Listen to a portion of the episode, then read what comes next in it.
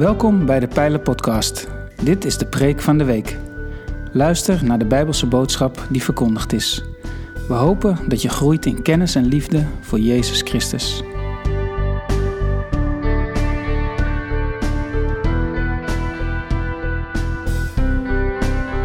In de Pijler zijn we al een tijdje bezig met het thema Maak van de hemel eens wat meer je hobby. In de Pijler podcast van 12 april vind je meer informatie over de achtergrond van deze preekserie. Op 16 mei sprak Oscar Lohuis over de vraag: waar gaan Gods mensen naartoe als zij sterven? En hoe zal dat leven na de dood er dan uitzien? Oscar sprak vanuit Filippenzen hoofdstuk 1 en 1 Thessalonicense hoofdstuk 4.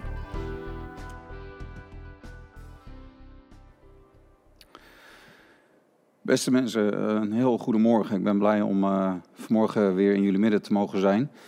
En ik ben gevraagd om te spreken over het thema waar gaan wij heen na dit leven? Waar gaan wij heen na dit sterven? Wat gebeurt er met Gods mensen na het sterven? Het is goed om daar met elkaar over na te denken. Dat past ook in een serie waar jullie mee bezig zijn. Als ik het goed begrijp, als jullie met elkaar meer nadenken over de hemel en wat de Bijbel zegt ook over uh, de toekomst. En um, vandaag dus specifiek, waar gaan we naartoe na het sterven? En ik moet daarbij ook denken aan de uitspraak memento mori. Dat betekent gedenk te sterven. Het is goed om ons er opnieuw van bewust te zijn. Dat wij uh, in het leven zoals het nu is, dat wij hier op doortocht zijn. Ik had van de week nog een gesprekje met een broeder die inmiddels uh, een beetje op leeftijd is. En die zei dat hij wel eens uh, naar de begraafplaats gaat waar zijn waar zijn voorvaderen begraven liggen. En hij zegt dan, uh, hij is een zakenman en hij is een succesvolle zakenman en heeft heel veel bereikt. Maar hij zegt, als ik daar dan ben, dan besef ik opnieuw uh, dat, ehm, dat ook mijn tijd eh, vroeg of laat gaat komen. De, tijd dat ik eh, dit lichaam zal verlaten. Dat, ik, ja, dat mijn aardse pelgrimstocht voorbij is. En dat helpt mij om te relativeren. Dat helpt mij om niet voor het geld te leven. Dat helpt mij om ja, te blijven bij het juiste waardesysteem. Dus gedenk te sterven. Besef dat je sterfelijk bent, nu nog sterfelijk bent. En ook, uh, de Bijbel zegt ook, leer ons onze dagen tellen. Sorry. Leer ons onze dagen tellen, dat wij een wijs hart zullen hebben. Dat we beseffen dat, uh, dat we een beperkt aantal dagen hier op aarde hebben. Ik wil met jullie nadenken over twee Bijbelgedeelten. En dan wil ik ook, uh, naar aanleiding van die twee gedeelten, uh, bij twee punten stilstaan. Je zou kunnen zeggen, het eerste gedeelte gaat over het leven na dit leven. Het, het leven na de dood. En het tweede gedeelte gaat over het leven na het leven na de dood. Maar dat zal ik straks meer uitleggen. Eerst le lezen we met elkaar uit Filippenzen hoofdstuk 1, vanaf vers 19. Filippenzen 1 vanaf vers 19 wil ik voorlezen. Ik lees uit de herziene staatvertaling. Er wordt een andere vertaling geprojecteerd, maar ik hoop dat u toch kunt volgen. Want ik weet dat dit mij tot zaligheid strekken zal door uw gebed en de ondersteuning van de geest van Jezus Christus.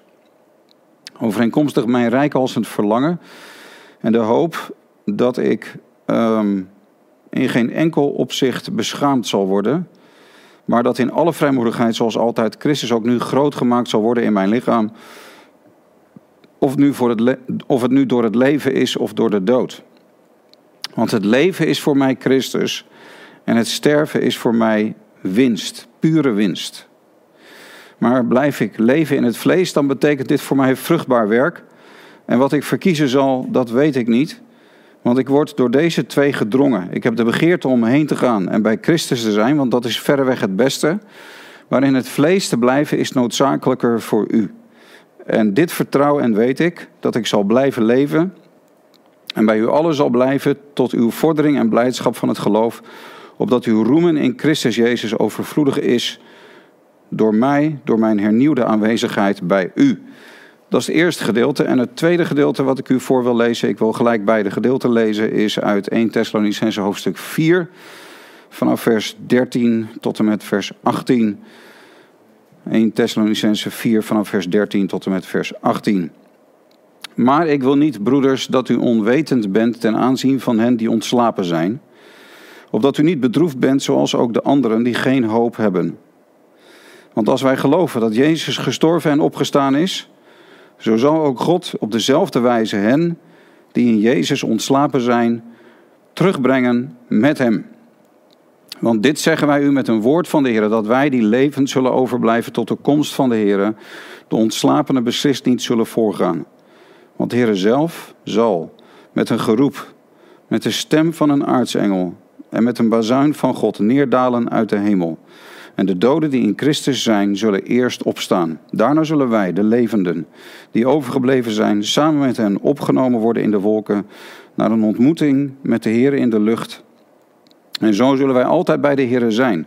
Zo dan troost elkaar met deze woorden. Tot zover.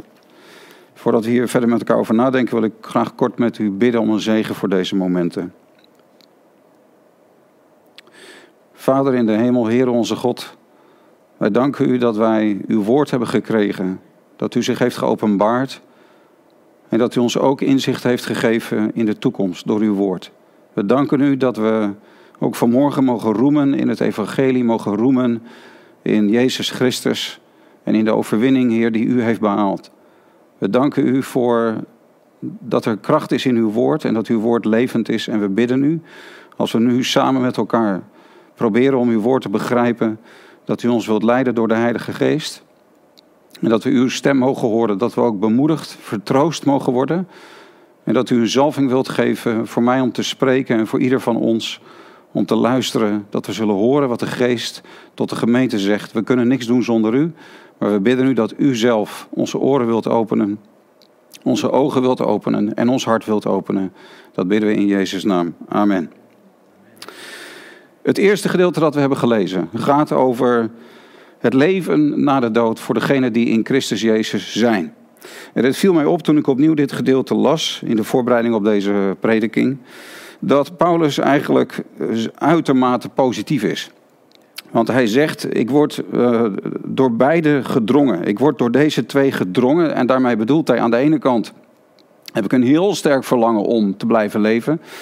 Ik, uh, ik wil heel graag in het vlees blijven. En hij zegt in deze brief aan de Filippenzen ook dat hij weet van de Heer dat hij nog in het vlees zal blijven, dat zijn tijd nog niet gekomen is. Als hij zijn tweede brief aan Timotheus schrijft, dan weet hij dat zijn tijd wel gekomen is. Dat is zijn allerlaatste brief.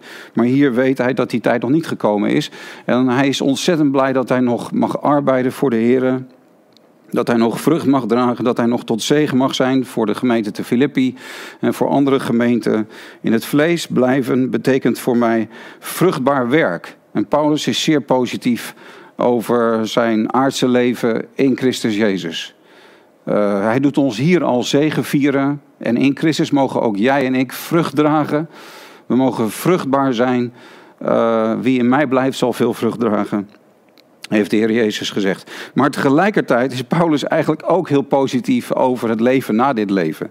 Eigenlijk zegt hij ook dat hij er naar verlangt om heen te gaan. Hij ziet er naar uit als zijn aardse pelgrimstocht voorbij is. Hij ziet er naar uit als, hij, als het moment voor hem zal aanbreken uh, dat hij zijn strijd heeft gestreden en zijn wedloop heeft gelopen. En dan zegt hij, uh, het, het sterven is voor mij winst. Het leven is Christus en het sterven is voor mij pure winst. Hoe positief is hij? Hij is zo positief, zo blij is de apostel Paulus hier. En dan zegt hij ook, ik wil een paar dingen eruit halen. Dat hij zegt van, uh, ik zal niet beschaamd worden. Ik zal in geen enkel opzicht beschaamd worden. Uh, in alle vrijmoedigheid zoals altijd. Zal Christus worden groot gemaakt in mijn lichaam. Of het nu door het leven is. Hè, dat eerste, nog in het leven blijven, nog in het vlees blijven of dat het door de dood is. Hij zegt dus hier dat zelfs als hij gaat sterven, dat Christus daardoor groot gemaakt zal worden. Daarom zegt hij ook dat het, het uh, sterven pure winst is. Maar hij zegt dan ook ten aanzien van dat sterven, dat hij de begeerte heeft, dat woord begeerte, dat hij er sterk naar verlangt om heen te gaan en bij Christus te zijn. Want dat is verreweg het beste verreweg het beste. Nou, dat mogen wij ook zeggen voor degenen die in Christus Jezus geloven, die tot de heiland zijn gekomen, die hun geloof op Jezus hebben gevestigd. En we weten, de dood blijft een vijand. Het blijft natuurlijk echt niet makkelijk om te sterven, laten we wel zijn. Ik heb uh, bij het sterfbed gestaan van dierbare broeders en zusters, ook van heel gelovige mensen die toch, als, als het heel dichtbij kwam, dat echt niet als makkelijk hebben ervaren. Uh, het blijft een soort Jordaan waar we doorheen moeten. Het blijft een vijand, de dood. Maar tegelijkertijd mogen wij weten dat het sterven voor een christen is niet het einde van het leven, maar het is de doorgang tot een veel heerlijker leven. Het is verreweg het beste. Uh, de dood hoeft ons daarom niet meer bang te maken. De dood is voor een christen inderdaad over je lijden heen komen. Dan is het lijden helemaal voorbij en dan volgt er een leven in heerlijkheid. U zult mij in dit leven leiden door uw raad en daarna mij opnemen in heerlijkheid. Wij zullen worden opgenomen in heerlijkheid als wij zullen sterven. Um, het is pure winst. De Jezus is de echte dood gestorven. Even een, gelijkenis. Uh, ik heb begrepen dat een bij, een bij kan maar één keer prikken. Als een bij zijn angel heeft gestoken in iets of iemand, dan kan hij nooit meer iemand anders prikken. Dan is het voorbij. En zo is de prikkel van de dood, van de echte dood, is in Jezus Christus gekomen. En dat betekent dat die prikkel ons niet meer bereikt. Die angel van de dood is eruit voor degenen die in Jezus Christus geloven. Je sterft nog wel lichamelijk, maar jijzelf en je, je, je geest gaan naar de Here.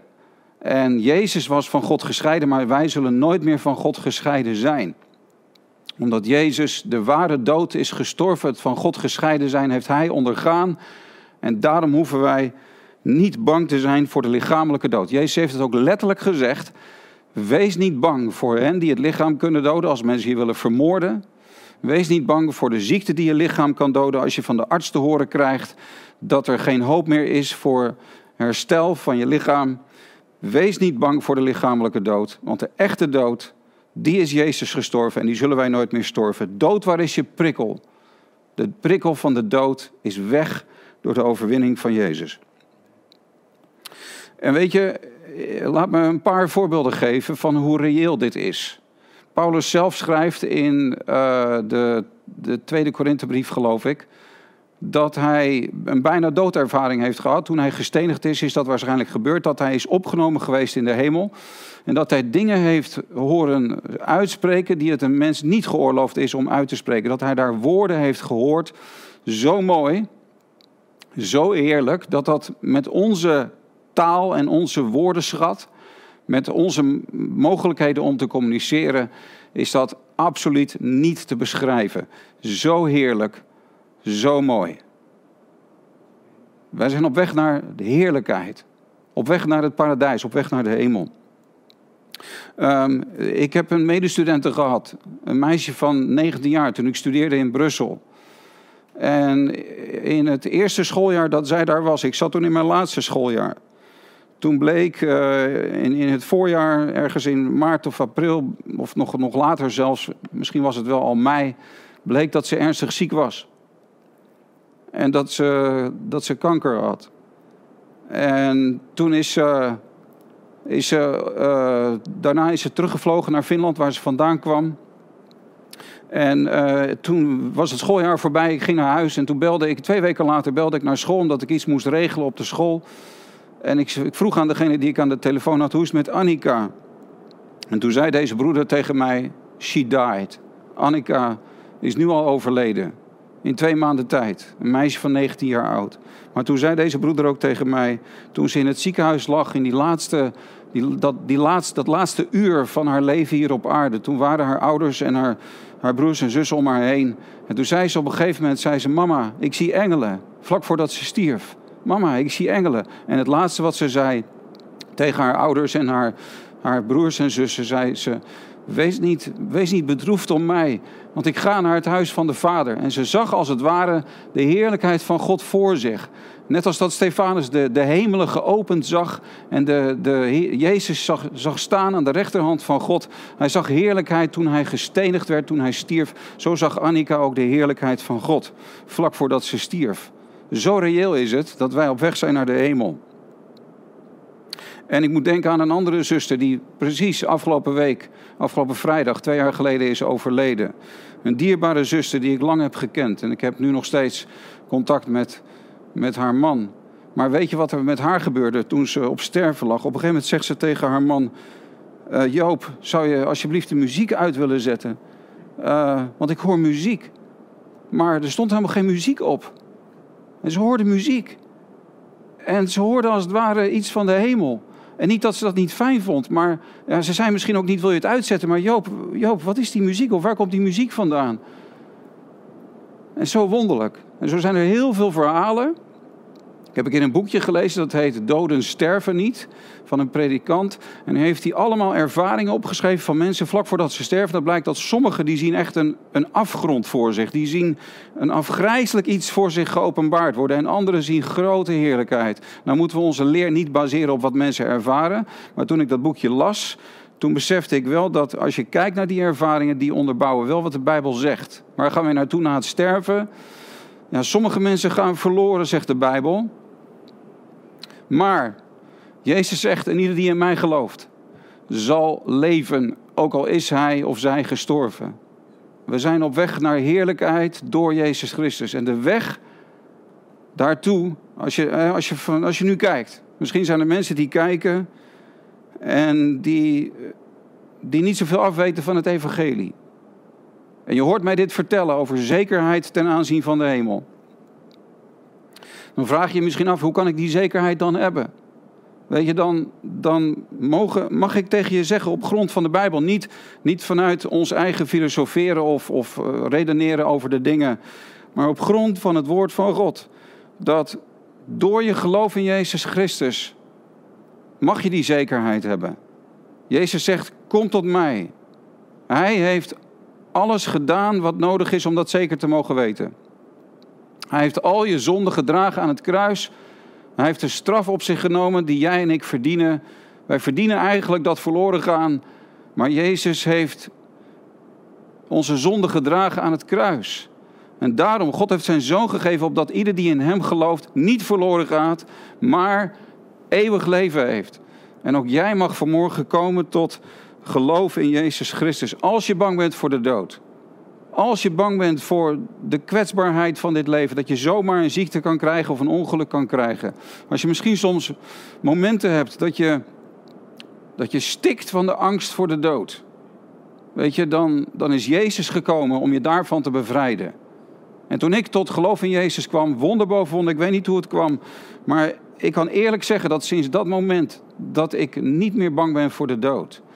Dat het echt weggenomen is omdat ik weet dat het slechts een voorval is in het leven van een christen. Het is niet het einde, nee, het is het begin van een heel nieuw leven in veel grotere heerlijkheid. En we gaan niet van het land van de levenden naar het land van de stervenden. Nou, we, gaan niet van het land naar de, we gaan niet van het land van de levenden naar het land van de doden als we sterven. Maar we kunnen beter zeggen, wij gaan van het land van de stervenden naar het land van de levenden als wij uh, zullen sterven. En dat is door Jezus Christus. En dat is wat Paulus zegt in Filippenzen hoofdstuk, hoofdstuk 1. Eh, het is pure winst en het is verreweg het beste. Maar we mogen nog door iets anders bemoedigd worden. Want dit eerste ging over het leven na de dood voor een christen. Voor hen die in Christus Jezus zijn. Maar het tweede gedeelte dat we hebben gelezen gaat over het leven na het leven na de dood. Het leven na het leven na de dood. Want dat is namelijk ook. Want als wij dan sterven en bij Christus zijn, dan is dat niet ons eindstation. Het is belangrijk dat we dat ons realiseren. De hoop, de werkelijke hoop die wij hebben, de hoop waar de apostelen over spraken, en de hoop waar wij naar uitzien, de zalige hoop, waartoe wij ook opnieuw geboren zijn. We zijn opnieuw geboren tot een levende hoop. De hoop die wij, de werkelijke hoop die we hebben, is nog niet eens vooral en grotendeels dat wij dan in heerlijkheid bij de Heer zullen zijn. Nee, de hoop die wij hebben is de wederkomst van Jezus Christus. Dat Hij gaat verschijnen. En het is nog mooier dan ik zojuist heb beschreven. Want uh, de Bijbel maakt heel duidelijk dat wij niet alleen wat betreft geest en ziel behouden zullen worden, maar dat wij zelfs behouden zullen worden naar geest, ziel en lichaam. En de wederkomst van Jezus Christus betekent dat ook ons lichaam zal opstaan uit de dood. En het is mij, vooral de afgelopen weken, is het mij uh, veel meer duidelijk geworden. Ik zou eigenlijk willen zeggen, het is meer tot mijn hart doorgedrongen. Uh, wat een wezenlijk aspect dat is van het goede nieuws, van het evangelie. Als je ook kijkt naar de, de apostelen in het boek Handelingen, welke uh, prediking zij brachten, waar zij over spraken, dan vinden we in Handelingen dat zij voortdurend spraken ook over de opstanding der doden. Zij verkondigden in Jezus de opstanding der doden. Uh, ze spraken niet alleen maar over de opstanding van Jezus Christus, maar ze spraken over de betekenis van de opstanding van Jezus Christus. En dat is dat wij straks ook zullen opstaan uit de dood. Hij is opgestaan uit de dood. Hij heeft een onsterfelijk lichaam gekregen. Hij heeft een verheerlijk lichaam gekregen. En de Bijbel leert dat straks als hij komt, ook wij een verheerlijk lichaam zullen krijgen. Dit lichaam is nog sterfelijk, dit lichaam is nog vergankelijk. Maar straks zullen wij een onsterfelijk en onvergankelijk en verheerlijk lichaam hebben. In dit lichaam zuchten wij nog en lijden wij nog. We hebben soms nog pijn, we kunnen nog ziek worden. We kunnen vooral op het laatst van ons leven kunnen we er verschrikkelijk aan toe zijn, lichamelijk gezien. Maar wij weten dat straks, als Jezus komt, dat zelfs dit lichaam volledig genezen zal worden. Uh, het is heerlijk om dat te mogen weten. Uh, weet u, dit is eigenlijk ook de betekenis van het behouden worden. Wat is de behoudenis? Wij zijn geneigd om bij de behoudenis vooral te denken aan onze niet-lichamelijke toekomst. Wat ik net heb beschreven, dat je niet naar de hel gaat, maar dat je naar de hemel gaat. Dat je niet verloren gaat, maar dat je behouden bent in de zin van dat je dan bij God mag komen. In het paradijs mag zijn, zoals Jezus tegen de man naast hem aan het kruis zei: Vandaag zul je met mij in het paradijs zijn. Maar de behoudenis is meer dan dat. Want wij zullen naar geest, ziel en lichaam behouden worden. Hij nu de God des vredes, heilig u geheel en al, opdat geheel uw geest, ziel en lichaam bij de komst van onze Heer Jezus Christus mogen blijken in alle delen onberispelijk bewaard te zijn. Hij die u roept is getrouw, hij zal het ook doen. Dit is de betekenis van het behouden worden. God gaat deze schepping verlossen. De heerlijkheid die over ons geopenbaard zal worden, Romeinen 8, is niet heerlijkheid in de hemel. Daar heeft Paulus het niet over in Romeinen 8. Maar de heerlijkheid die in de schepping geopenbaard gaat worden. Als hier gesproken wordt over de wederkomst, dan staat er, want als wij geloven in 1 Thessalonicense 4, dat Jezus gestorven en opgestaan is, hè, dat geloven wij. Jezus stierf, maar hij stond op uit de dood. Het graf was werkelijk leeg. Dan zal ook God op dezelfde wijze hen die in Jezus ontslapen zijn, terugbrengen met hem. Wat is dan dezelfde wijze terugbrengen met hem? Wij zijn geneigd om te denken, ja, terugbrengen uit de hemel. Maar Paulus heeft het over Jezus dood en opstanding. Hij zal ons terugbrengen uit de lichamelijke dood. Daar zullen we van teruggebracht worden. Natuurlijk ook doordat we met hem zullen komen uit de hemel. En dat geest, ziel en lichaam herenigd zullen worden bij de wederkomst van Jezus. De Heer zelf zal met een geroep, met de stem van een aartsengel en een bazuin van God neerdalen uit de hemel. De doden die in Christus zijn, zullen het eerst opstaan. Zullen het eerst opstaan. Wij zijn op weg naar de opstanding uit de dood. De apostolische geloofsbelijdenis zegt: Ik geloof in de opstanding van het lichaam. Wij, wij, hebben niet alleen een, ik bedoel, wij hebben niet alleen een lichaam. Soms denken wij platonisch in de zin van: we zijn een geest, je werkelijke ik, je werkelijke je persoon is je geestelijke wezen. En je woont in een lichaam en dit lichaam zal weggedaan worden en dan zal je voor eeuwig buiten het lichaam leven. Maar dat is Grieks denken, dat is platonisch denken, dat is een uit het lichaam idee van de verlossing en de behoudenis. Maar de Bijbel leert niet een uit een lichaam, uit het lichaam behoudenis. Maar uh, dat, dat wij op een vernieuwde aarde zullen wonen. En hij zal alle dingen nieuw maken. Nou, ik hoop dat ik u hiermee mag bemoedigen. Want weet je, ik, ik heb de indruk dat dit hele leerstuk wat ik nu probeer te delen met u, wat ik nu iets probeer van duidelijk te maken van de lichamelijke opstanding, dat het niet zo leeft onder christenen.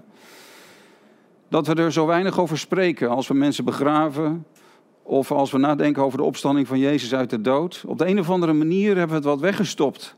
Dat komt door de te sterke invloed van het Griekse denken in de christelijke leer. Maar, maar we mogen hier geweldig door bemoedigd worden. Bijvoorbeeld, luister naar deze woorden. Um, graaf Ludwig van Zinzendorf was in de 18e eeuw een, een, uh, een zendingsleider. Er was een grote opwekking uitgebroken in Hernhut, de Hernhutterbeweging. En er zijn hele machtige dingen gebeurd. En op, het, op de grafsteen van zijn vrouw staat dit. Van mevrouw van Zinzendorf. Van Zinzendorf. Hier rust voor een bepaalde tijd het stoffelijke overschot van de gravin Edmunde Dorothea van Zinzendorf. Hier rust voor een bepaalde tijd. In afwachting van de opstanding uit de dood. Uh, totdat. En uh, dat is de hoop die wij hebben. Wat gebeurt er met een christen na het sterven? Wij zullen bij hem zijn in grote heerlijkheid.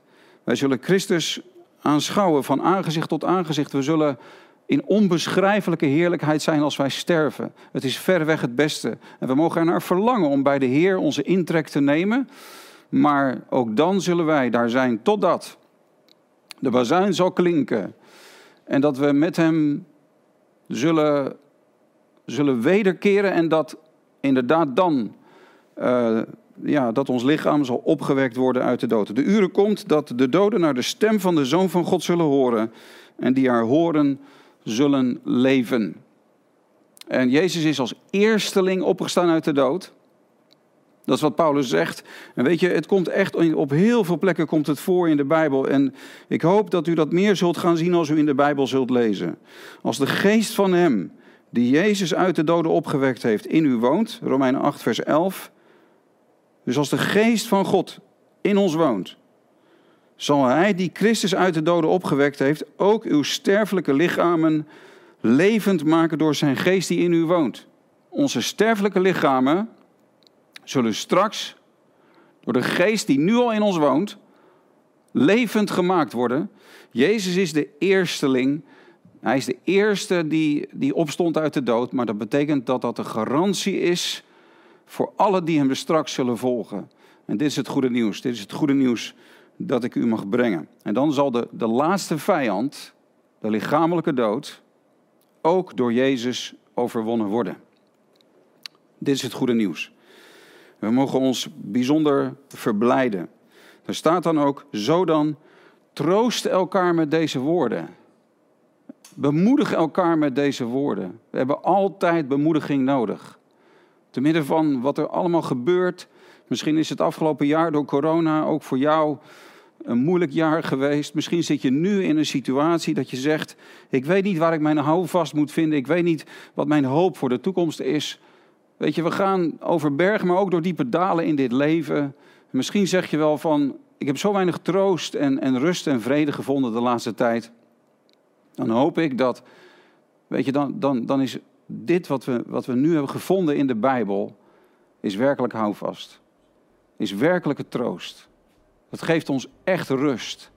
Hij heeft nu al de dood voor ons overwonnen in de zin van dat we nu al met God verzoend mogen zijn en een kind van God mogen zijn en dat Hij altijd bij ons is. Straks zal Hij de dood voor ons hebben overwonnen als we dit aardse lichaam verlaten. En als we in Zijn aanwezigheid mogen zijn in grote glorie en heerlijkheid. En uiteindelijk zal Hij nog meer de dood overwinnen als het leven na het leven, na de dood zal komen, dat zelfs dit lichaam dat Hij heeft gemaakt, want je bent ook een lichaam, dat zelfs je lichaam door Jezus verlost zal worden. En dat we in een heerlijke, heerlijke toestand zullen zijn. En dat Hij werkelijk voor jou en voor mij alle dingen nieuw zal maken. Geprezen zij zijn wonderbare naam. Jezus is overwinnaar. Hij overwon de dood. En wij zijn met Hem meer dan overwinnaar. Halleluja. Amen.